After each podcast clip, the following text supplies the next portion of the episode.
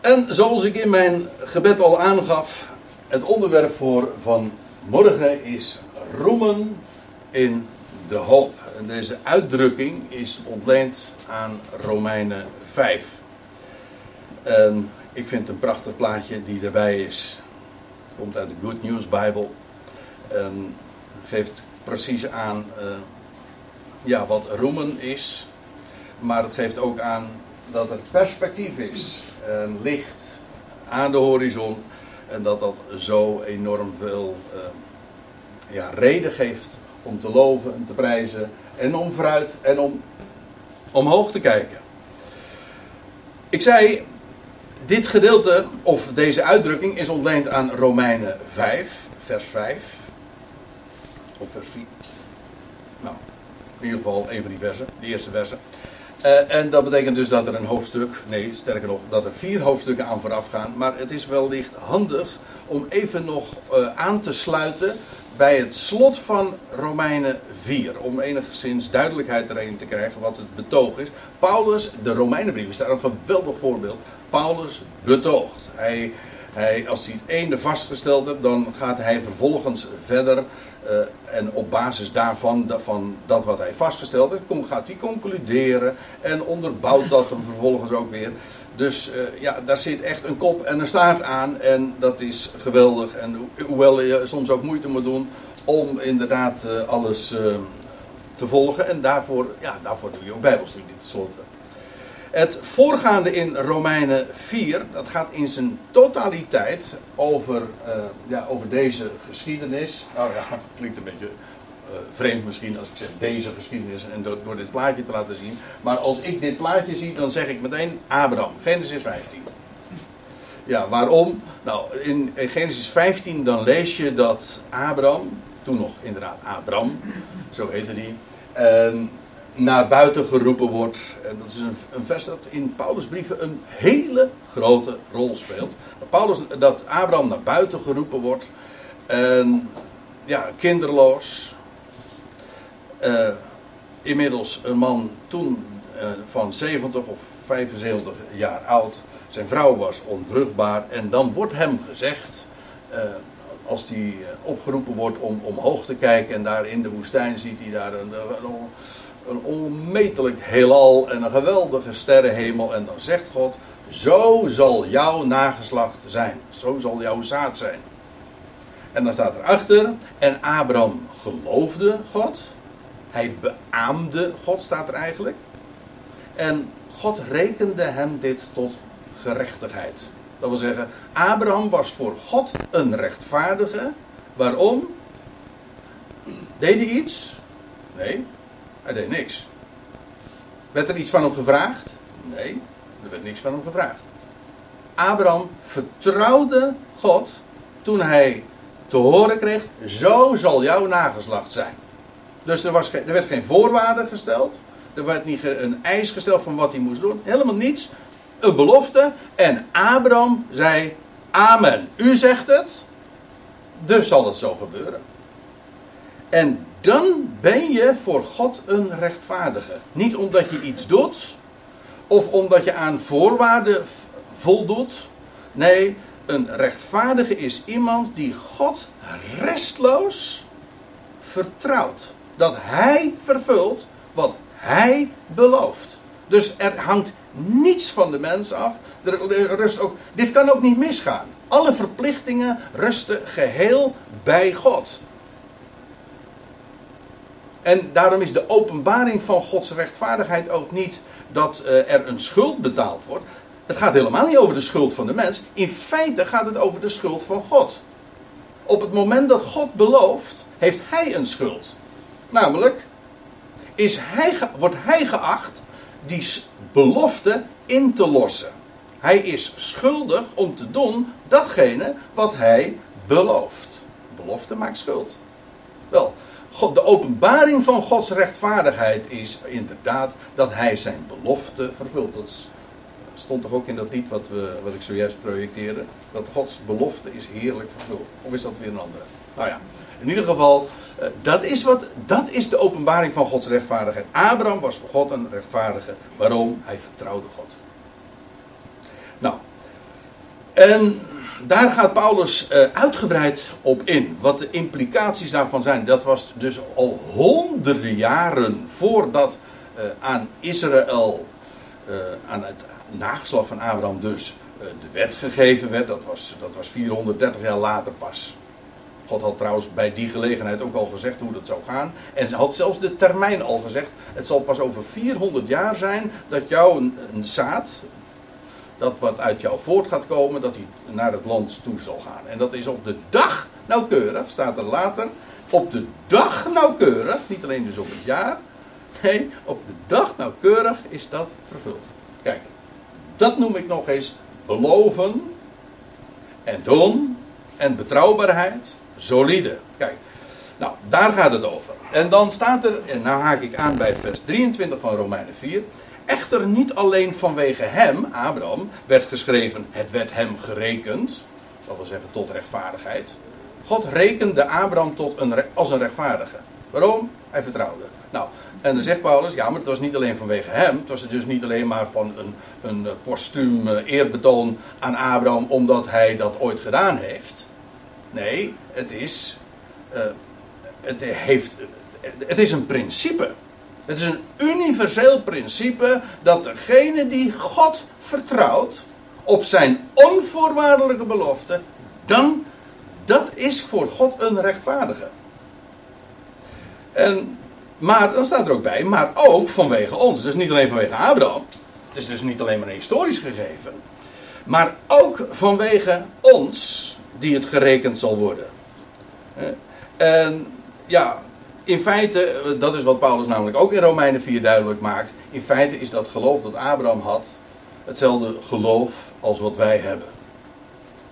In feite, je leest ook dat in Galaten 3 dat aan Abraham uh, het evangelie verkondigd was. Ja, het, het beloofde zaad van Abraham. In feite is dat toch waar het evangelie over gaat. Dat degene, het, het zaad, het beloofde zaad van Abraham, de nakomeling van Abraham, ja, die is gekomen. En dan moet je ook nog eens even realiseren, eh, dan wordt er namelijk vastgesteld dat Abraham en Sarah eh, verstorven waren. Dat wil zeggen, ze waren niet meer in staat, eh, biologisch gezien, wetenschappelijk gezien, volgens de medici, om nageslag voor te brengen. Ze waren dood dus. Maar God had gezegd: Ik beloof leven uit de dood.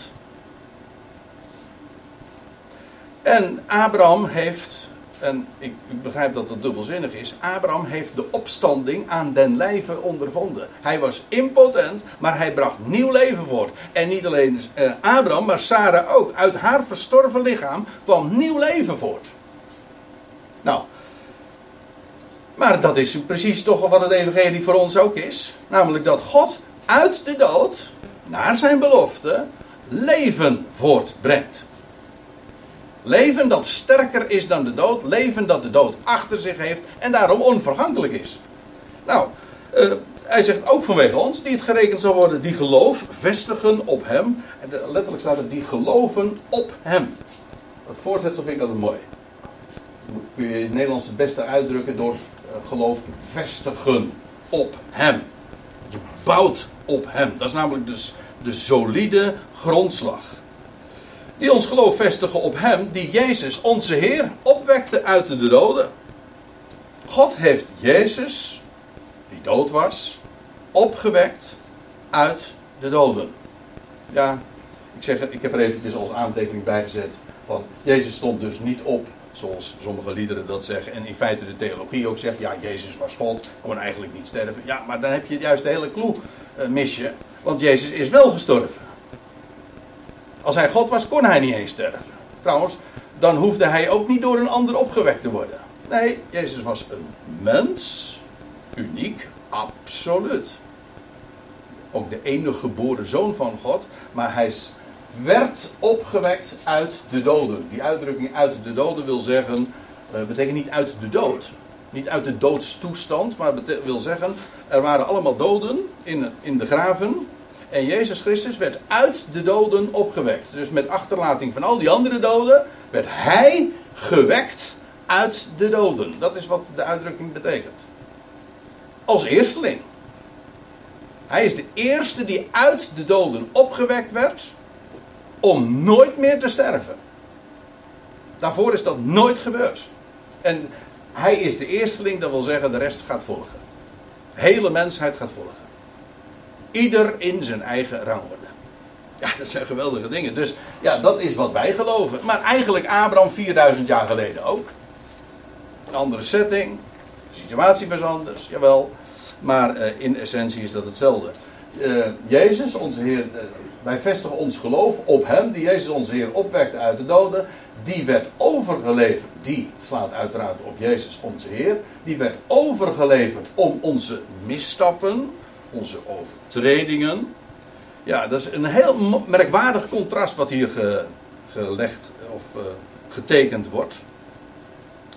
Want uh, Jezus, hij werd overgeleverd om onze misstappen. Het waren namelijk mensen die Jezus overleverden en doden. Dit is, wat, dit is het menselijk aandeel. Om onze misstappen, het waren ook door onze misstappen dat hij werd overgeleverd. Toch? Het, waren, het was uh, een en al onrecht en overtreding met recht ook.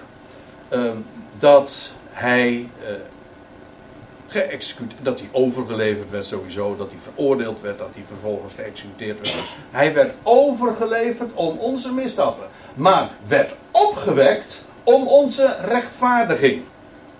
Dus aan de ene kant heb je daar dus de mens die hem overleverde om, om te sterven. En vervolgens was het God die hem op de derde dag, naar zijn belofte, opwekte uit de doden. Kijk, dat is wat een mens niet kan. De mens kan wel doden, maar slechts God kan uit de doden opwekken.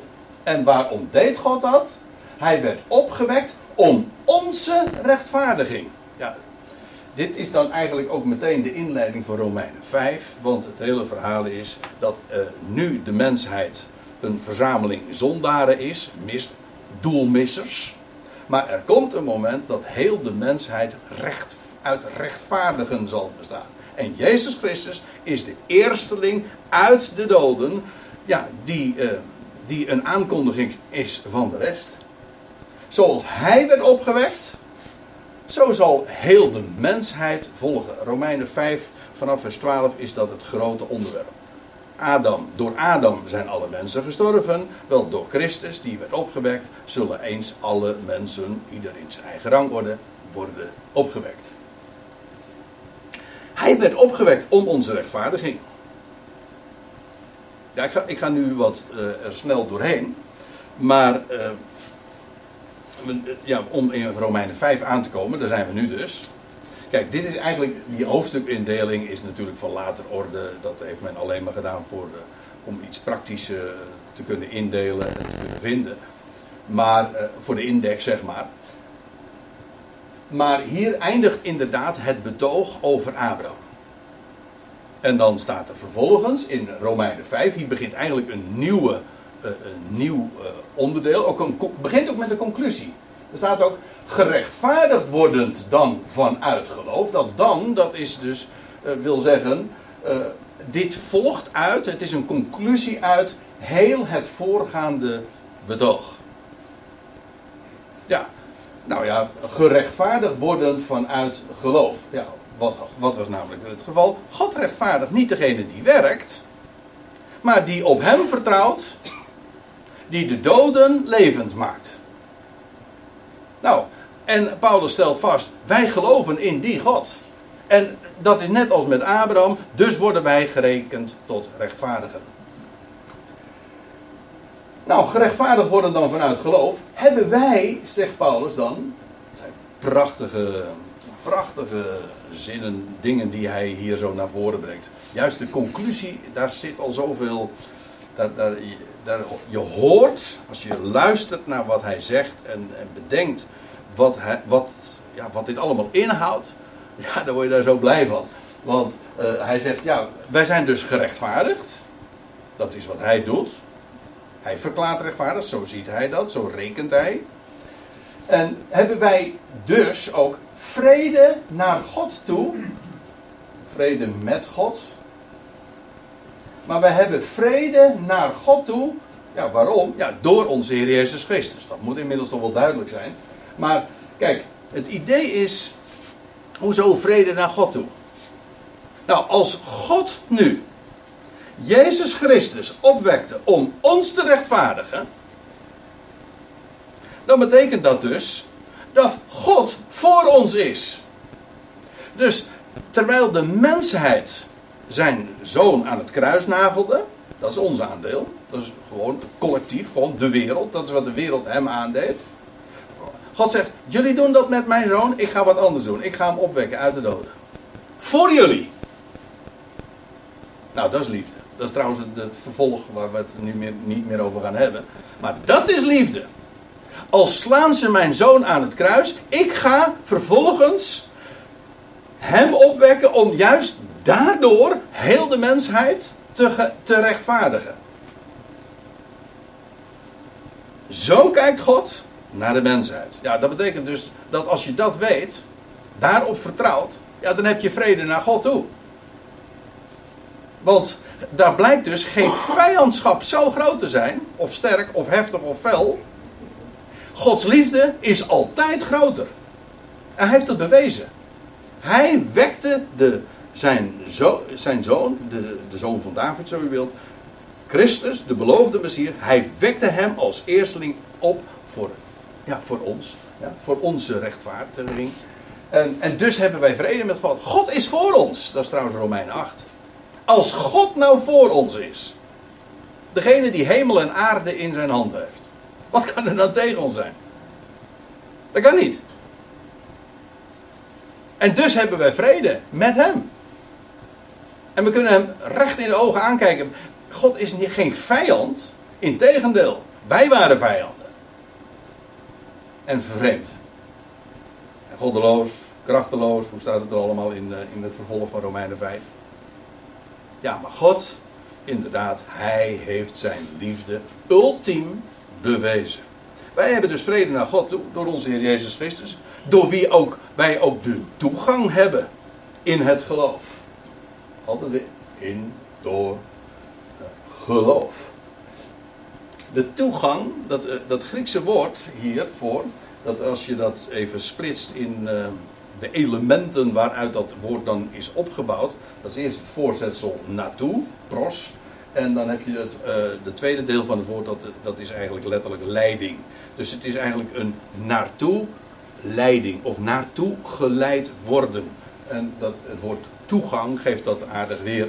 Ja, het, kijk, het idee is dit. Te weten dat God Jezus Christus opwekte om onze rechtvaardiging, ons, wij, mensen, dat maakt niet alleen maar dat wij vrede met Hem hebben, maar het trekt ons ook naar Hem toe.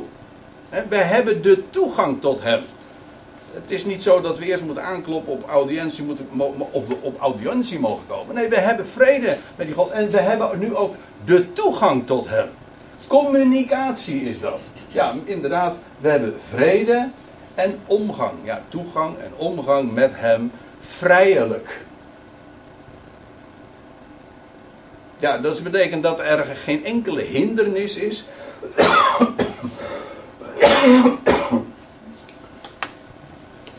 ja, er zijn wel eens hindernissen. En hinderlijke dingen, maar.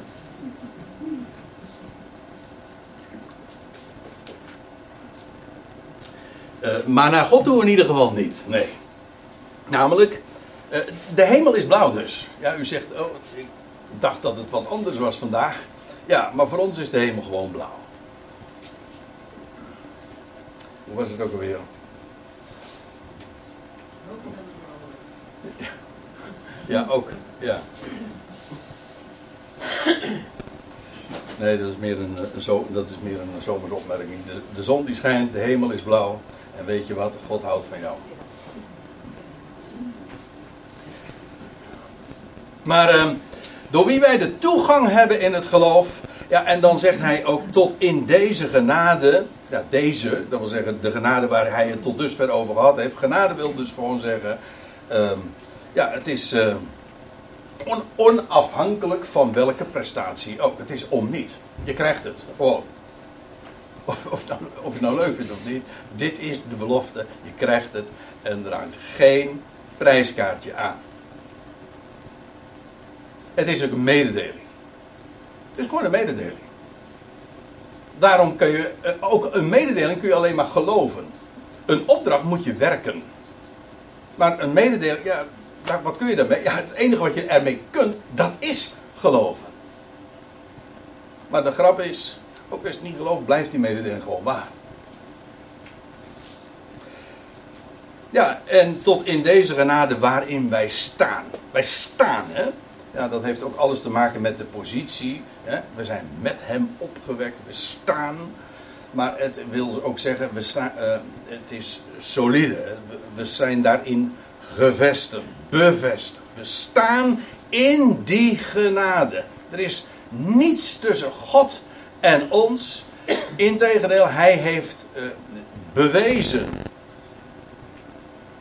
niet alleen ons lief te hebben, wij, wij zijn rechtvaardigen voor Hem en we hebben toegang eh, tot Hem, we hebben vrede. Kortom, eh, dat is allemaal genade waarin wij staan. En, en nou komt het, oh het is toch vers 2. En wij roemen in hoop. Ja, welke hoop? Nou, eerst even dit. Roemen, dat wil letterlijk zeggen uh, met lof spreken over. Dit is gewoon een kwestie van het woordenboek opzoeken. En uh, weten, ja, dat is wat woord roemen is. Je kan roemen over van alles. En dat wil zeggen dat je lovend spreekt over. En dat kan uh, allerlei, dat, kan, dat kunnen mensen betreffen, dat kunnen onderwerpen betreffen, dat kan jezelf betreffen. Dan, dan beroem je je in jezelf, dat kan ook nog. maar dan zegt Paulus, maar dat is elders van alle roem is uitgesloten. Dat wil zeggen eigen roem. Dat is er niet bij. Nee, maar ja, er is inderdaad geen enkele reden tot eigen roem. Het is namelijk genade. Hij belooft. En wij roemen. Ja, in God. Ook dat is trouwens waar. Wij roemen in God. En nou ben ik geneigd om dit aan te vullen met, een, uh, met wat er in de psalmen ergens staat. In de berijmde psalmen. Ik roem in God. Ik prijs. Hermine weet het, juist. Er zijn er meer die het. Ik, prij, ik roem in God. Ik prijs het onfeilbaar woord. Ik heb het zelf uit zijn mond gehoord. Hoe ging die ook weer verder, Hermin? Oh, oh, oh, sorry. Oh, dan moet ik hem zingen. Nou, nee, laat maar. Nee, ik zeg het niet tegen jou hoor, sorry.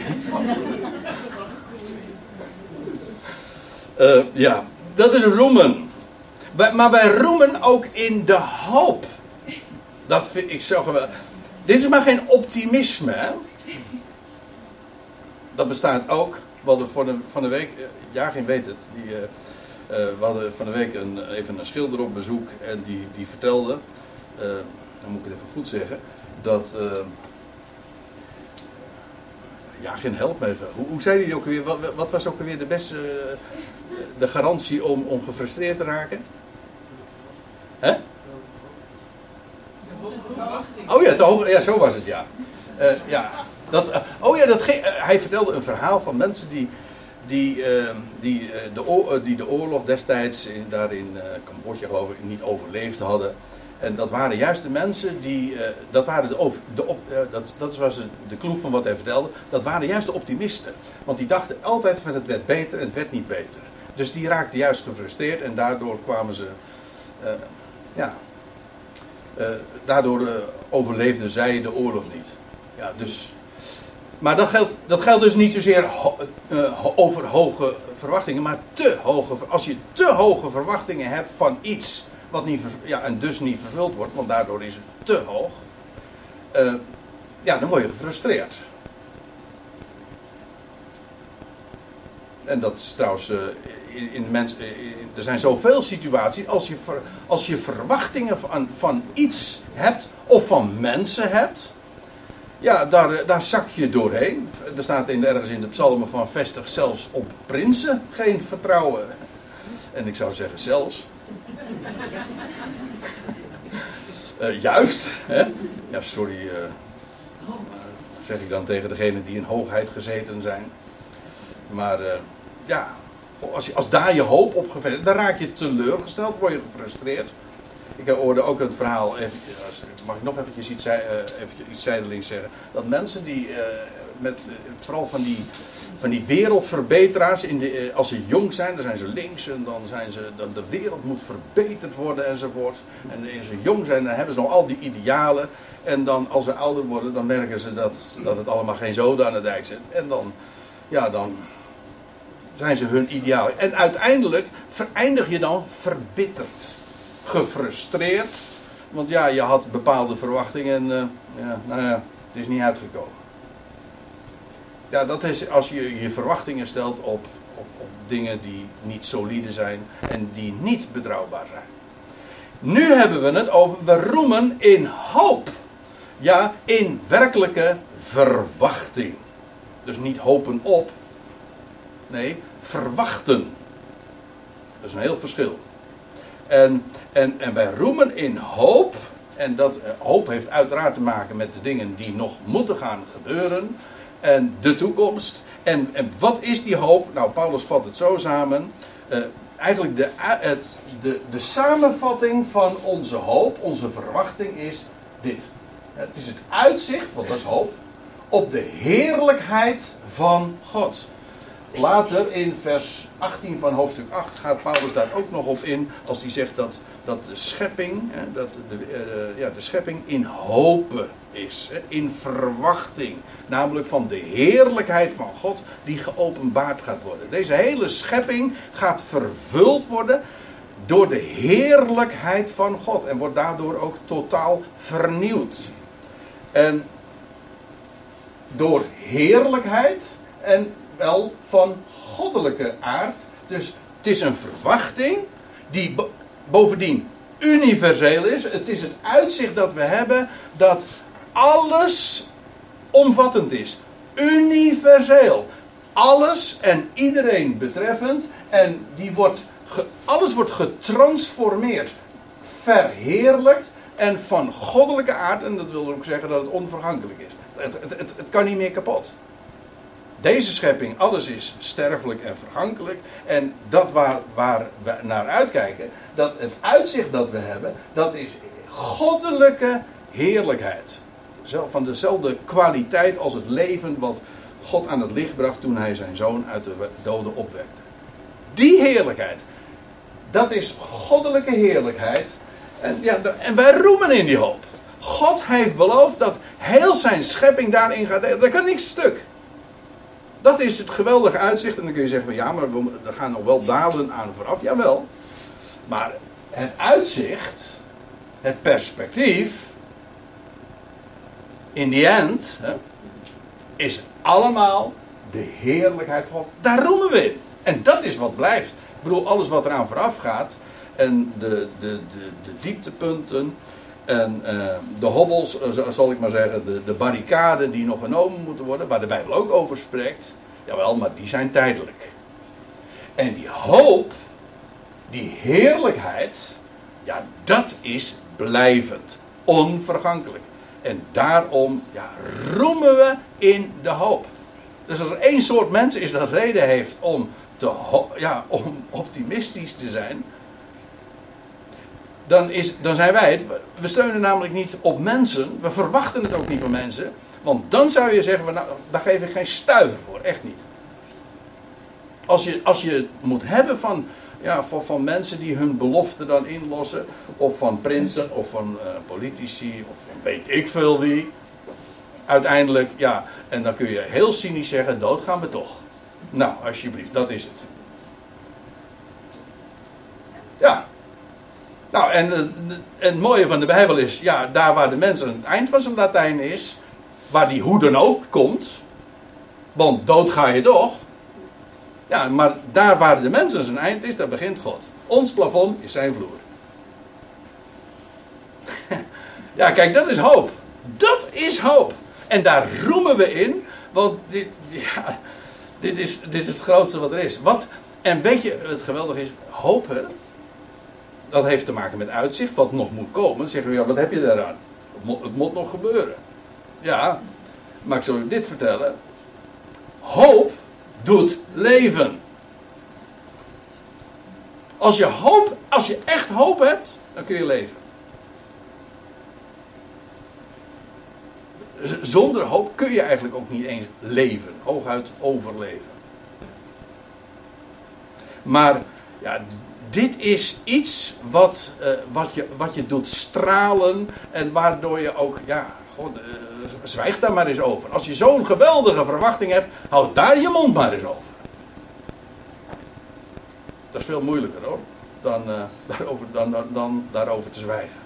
Maar goed, we roemen in de hoop van de heerlijkheid van God. En dat niet alleen, zegt Paulus, maar we roemen ook in de verdrukkingen. Ik heb die zin heel vaak verkeerd, eigenlijk tot voor kort verkeerd begrepen.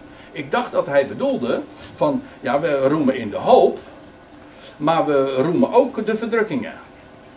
Ik dacht dat dat de gedachte was.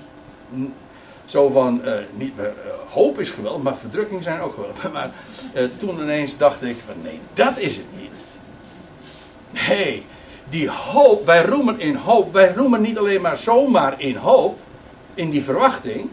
Nee, maar zelfs ook in de verdrukkingen. Die, dat wil zeggen, de verdrukkingen maken geen einde aan ons roemen in de hoop. Sowieso niet aan de hoop, maar ook niet aan ons roemen. Als je die hoop echt kent, dan zal druk of verdrukking of verdrukkingen, meervoud, ja, van welke aard ook. Wij denken bij verdrukking trouwens uh, uh, heel gemakkelijk misschien meteen aan vervolging worden. Hè? Dat je in de gevangenis geworpen wordt. Dat is druk natuurlijk. Maar druk is, ja, dat is, heeft allerlei vormen. Vandaar ook die, dat meervoud. Hè? Verdrukkingen. Er zijn allerlei vormen van druk. Eigenlijk het woord verdrukking is, komt helemaal overeen met het Griekse woord ook. Je hebt druk van binnenuit, dat is benauwd, dan krijg je het benauwd. Hè? Als je, er is ook, verdrukking is altijd van buitenaf. Druk komt van buitenaf. En dat wil zeggen, ja, nou ja, ik, ik gaf dit plaatje, dit is druk. Hè? Dan kom je onder, under pressure, hè? dan kom je onder druk te staan. Uh, tijddruk. Ja, er zijn allerlei vormen van druk waar je onder maar al, gemeenschappelijk van elke vorm van druk is dat je, uh, dat je minder ruimte krijgt. Als u het mij vraagt, in, uh, dan is het zo dat we ook op het moment dat je. Uh, in feite, wat we in 2020 hebben gezien. U zegt, is dat verdrukking? Ja, nou, wat hangt er vanaf wat je daaronder verstaat. Verdrukking betekent gewoon, zoals gezegd, dat je onder druk komt te staan, dat je minder vrijheid krijgt, dat je niet als je druk, onder druk komt te staan, heb je niet meer de, de vrijheid. Eh, druk heeft ook te maken met dat je gedwongen wordt tot dingen. Er is allemaal druk. Trouwens, uh, ik weet zeker, heel uh, veruit de meeste mensen, uh, die zullen dat inderdaad ook als druk ervaren. En anders zakelijk wel. Druk. Hè? Dat je.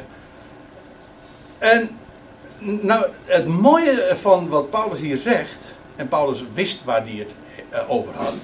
Want als er één iemand is van wiens leven wij, wiens leven wij kennen. Uh, maar die ook inderdaad altijd te maken kreeg met zoveel druk.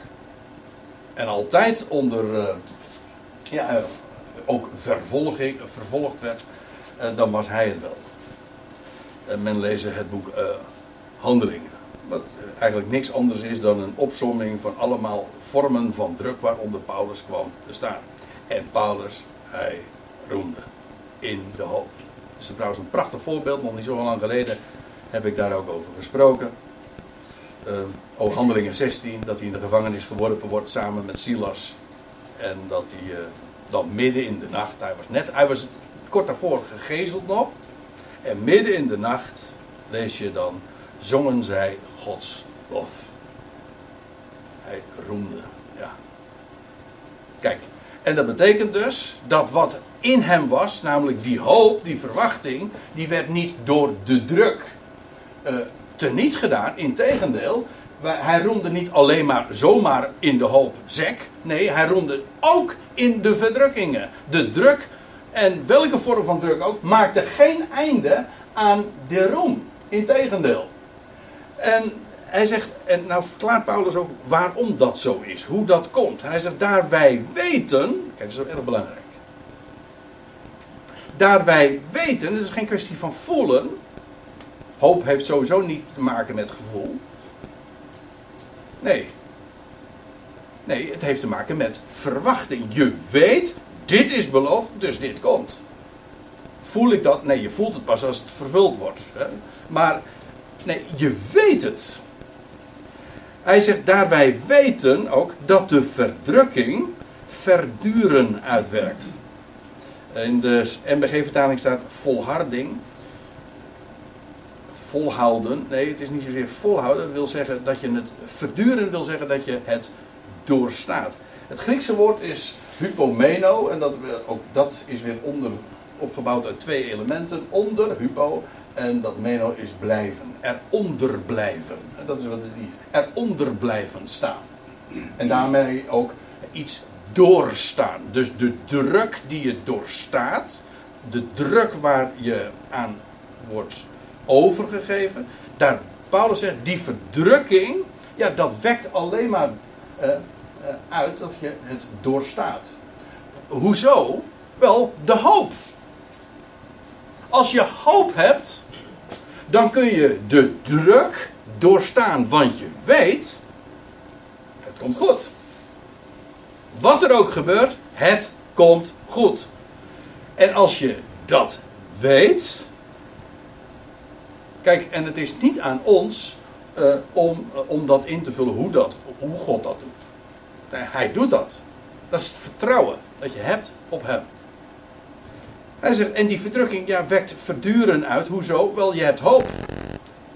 En die hoop geeft je kracht om onder de druk eh, te blijven staan. Om de druk te doorstaan. Om vol te houden, inderdaad. Nou, wij weten dat de verdrukking eh, benauwdheid eh, uitwerkt. En het verduren dan weer beproefdheid. Het is eigenlijk gewoon een ketting eigenlijk. Hè? Je, je, hebt hoop en dan vervolgens uh, is daar druk, komt daar druk. Maar die druk dat zorgt er alleen maar voor dat je het... Uh, nee, de, de hoop zorgt ervoor dat je de druk kunt doorstaan. Ver, kan verduren. En dan blijkt inderdaad de beproefdheid. In feite zou je kunnen zeggen dat die, uh, die druk is niks anders dan de lakmoesproef van het roemen in de hoop. Is die roem in de hoop echt, dan zal het ook de, dan zal het ook de verdrukking kunnen doorstaan. Dus blijkt daar, dat is de proef op de som. Is die roem echt? Is, is die hoop werkelijk hoop? Dan zal het inderdaad, ja, dat doet leven, maar het, is, het stelt een mens ook in staat om over de dingen heen te kijken en te blijven roemen. Sterker nog, juist als je door mensen heen zakt en door, als de omstandigheden hier naar de mens gesproken zo beroerd zijn, dan word je des te meer gericht op de hoop die hij geeft. Want als het allemaal hier voor de wind gaat enzovoorts, dan uh, ver, mensen erg vergeetachtig, dat weet toch. Hè? Dan vergeet je die hoop juist weer. Dat, is, het mooie van, van mensen die juist onder druk komen te staan. Dat geldt ook als ze dan uh, ja, leven in landen waar ze eigenlijk uh, ondergronds moeten. Weet je wel, dat je met nog maar een paar mensen mag samenkomen en zo. Um, en uh, weet je, uh, maar dat je juist dan des te meer bepaald wordt. Ja, bij de verwachting. Je wordt niet zo afgeleid. Dat is, dat is, mooi, dat is het mooie van druk dan weer. Hè? Dus dan kun je toch nog roemen, zelfs in de, in de verdrukking, ook in die eerste foute zin van de woord. Dus. Ja, dat is het mooie van verdrukkingen. Want dan blijkt de echtheid, de beproefdheid. En dus wordt is dat niks anders dan een bevestiging van de hoop. En Paulus zegt, ja, die hoop maakt niet beschaamd. De Bijbel vergelijkt de hoop ook met uh, een anker. Trouwens, dat is een heel bekend beeld. Voor degenen die zo'n kettingje hebben van geloof, hoop en liefde. Dan is dat, de hoop is dat anker. Het mooie van een anker is, die zie je niet. Als die zijn functie doet, zie je een anker niet. Dus met hoop ook. Hoop zie je nog niet. Nee, Maar het geeft wel vastheid aan je leven. Dus als, als de golven heen en, weer, uh, heen en weer gaan en er is wind en weet ik wat allemaal. Dat anker onder de oppervlakte dat je niet ziet. Nee, maar het geeft wel vastheid. Het is vast en zeker. Dat is, dat is maar niet hopen op. Dat is geen optimisme. Nee, dat is verwachting. Hij heeft gesproken en dus gaat het vervuld worden. En, die, Paulus zegt, ja, die hoop maakt niet beschaamd hoor. Dan mag ik, ik, zie nog niks. Hoop die gezien wordt is geen hoop. Hè? Dat, is, dat is trouwens ook Romeinen 8. Nee, maar die hoop maakt niet beschaamd. En nu het motief wat Paulus daarvoor geeft. Hij had al gesproken over de uitwerking van hoop. En dat het in, bij machten is of in staat stelt om verdrukkingen te doorstaan. Waardoor de hoop alleen maar echt blijkt te zijn. En Paulus zegt er dan nog bij. Uh, ja, oh, de hoop maakt niet beschaamd. Er staat erbij. Omdat, dat is de reden dus. De liefde van de God. Let op het bepaalde lidwoord. De ene God, die werkelijk God is. Omdat de liefde van de God is uitgegoten in onze hart. Uitgegoten wil zeggen overvloedig. Het is niet uh, minimaal, nee, het is, uh, dat is wat, wat je doet. Hè. Het, uh, je giet het uit. En Paulus zegt, ja, dat is een prachtig motief. Moet je even goed bij stilstaan. Waarom ben je nu zo zeker van je hoop, van de verwachting? Paulus zegt, de hoop maakt niet beschaamd. Hij zegt, omdat de liefde van God is uitgegoten in onze harten. Met andere woorden, kijk, God houdt van zijn schepping. Hij houdt van mij, hij houdt van jou, hij houdt van al die miljarden mensen. Hij houdt van het werk, van heel de schepping, om een hele eenvoudige reden. Dus vaak, uh, ik, ik, heb wel eens vaker die vraag gekregen: waarom houdt God van zijn schepping? En dan kun je zeggen: nou ja, misschien vindt hij mij wel verschrikkelijk aardig of zo. Dat kan ik me niet voorstellen, maar goed. Hè? Maar goed, noem, noem wat. Nee, er is, een hele, er is een hele eenvoudige reden. Die, die je zo, als je daarover doordenkt, zo blij maakt. Hij houdt van mij, hij houdt van jou, omdat je zijn creatie bent. Hij heeft jou bedacht. Hij heeft jou gemaakt. En dat doet hij niet voor ja, Jan Doedels.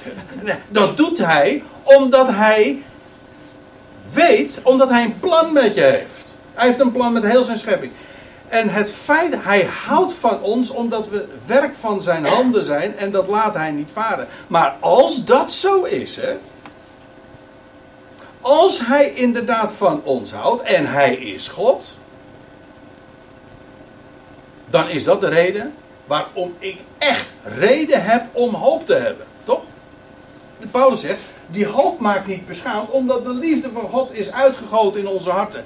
Hij, hij weet, de ene God houdt van ons en deze hele wereld. En dat maakt mij hoopvol. Want als Hij nou voor mij is, dan betekent dat daar een glorieuze toekomst wacht. De overtuiging van Gods liefde voor zijn schepping is de basis van hoop en verwachting. En ziet u dat er hier, hier nog niets uh, heeft doorgekomen van wat u of jij moet doen? Eh, dat is niet aan de orde. Dat vind ik het geweldig. We roemen in genade. je krijgt het om niet. En daarom, dat maakt mij zo verschrikkelijk blij. En dat geeft ook dat je zo enorm veel reden hebt om te roemen in verwachting. En Paulus zegt er nog bij, en eh, daar moet ik het eh, maar eh, bij laten. Want ja, weliswaar gaat Paulus verder, maar ik moet toch een keertje een punt zetten. Maar hij zegt er nog bij, door Heilige Geest die ons wordt gegeven. En die Heilige Geest wordt ons gegeven, namelijk via de woorden die hij spreekt. In zijn woorden zijn geest en leven. Zijn woorden hebben inhoud. En doordat die woorden tot ons komen, komt er geest tot ons. En dat wil zeggen, en wij vernemen van de liefde van God. En nou zou je, nou misschien moeten we daar de volgende keer dan maar eens over hebben. Door moeten lezen. is zo machtig mooi. Want Paulus gaat dan ook uitleggen van dat die liefde van God bewezen is. Christus stierf namelijk. In de dood van Christus is het bewijs van Gods liefde. De wereld, waar ik eigenlijk al mee begon. De wereld doodde Jezus Christus. En God zegt: Jullie doden hem. Ik ga hem opwekken. Waarom? Om aan jullie allemaal het leven te geven. Dus vijandschap, moord enzovoort. Het maakt geen einde aan zijn liefde. Het demonstreert de ultieme liefde die overvloedig is. Vandaar ook dat hij schrijft over ze is uitgegoten in ons. We hebben zo'n. De waarheid van Gods liefde is zo overvloedig, is niet kapot te krijgen. Daarom hebben we God lief en we roemen in Hem. We hebben vrede naar Hem toe. We hebben toegang tot Hem en we roemen in de hoop. En geen druk of verdrukkingen kunnen dat ongedaan maken. Ja, en weet u, nu is het 27 december, toch? Ja, 27 december, tegen het einde van het jaar. En dan, uh, ja, dan ga je dan zo in dit uh, tijdstip ga je terugkijken. En je gaat ook kijken van, ja, wat, wat gaat 2021 dan weer leveren? Nou, daar is een heleboel over te zeggen en eigenlijk ook niks.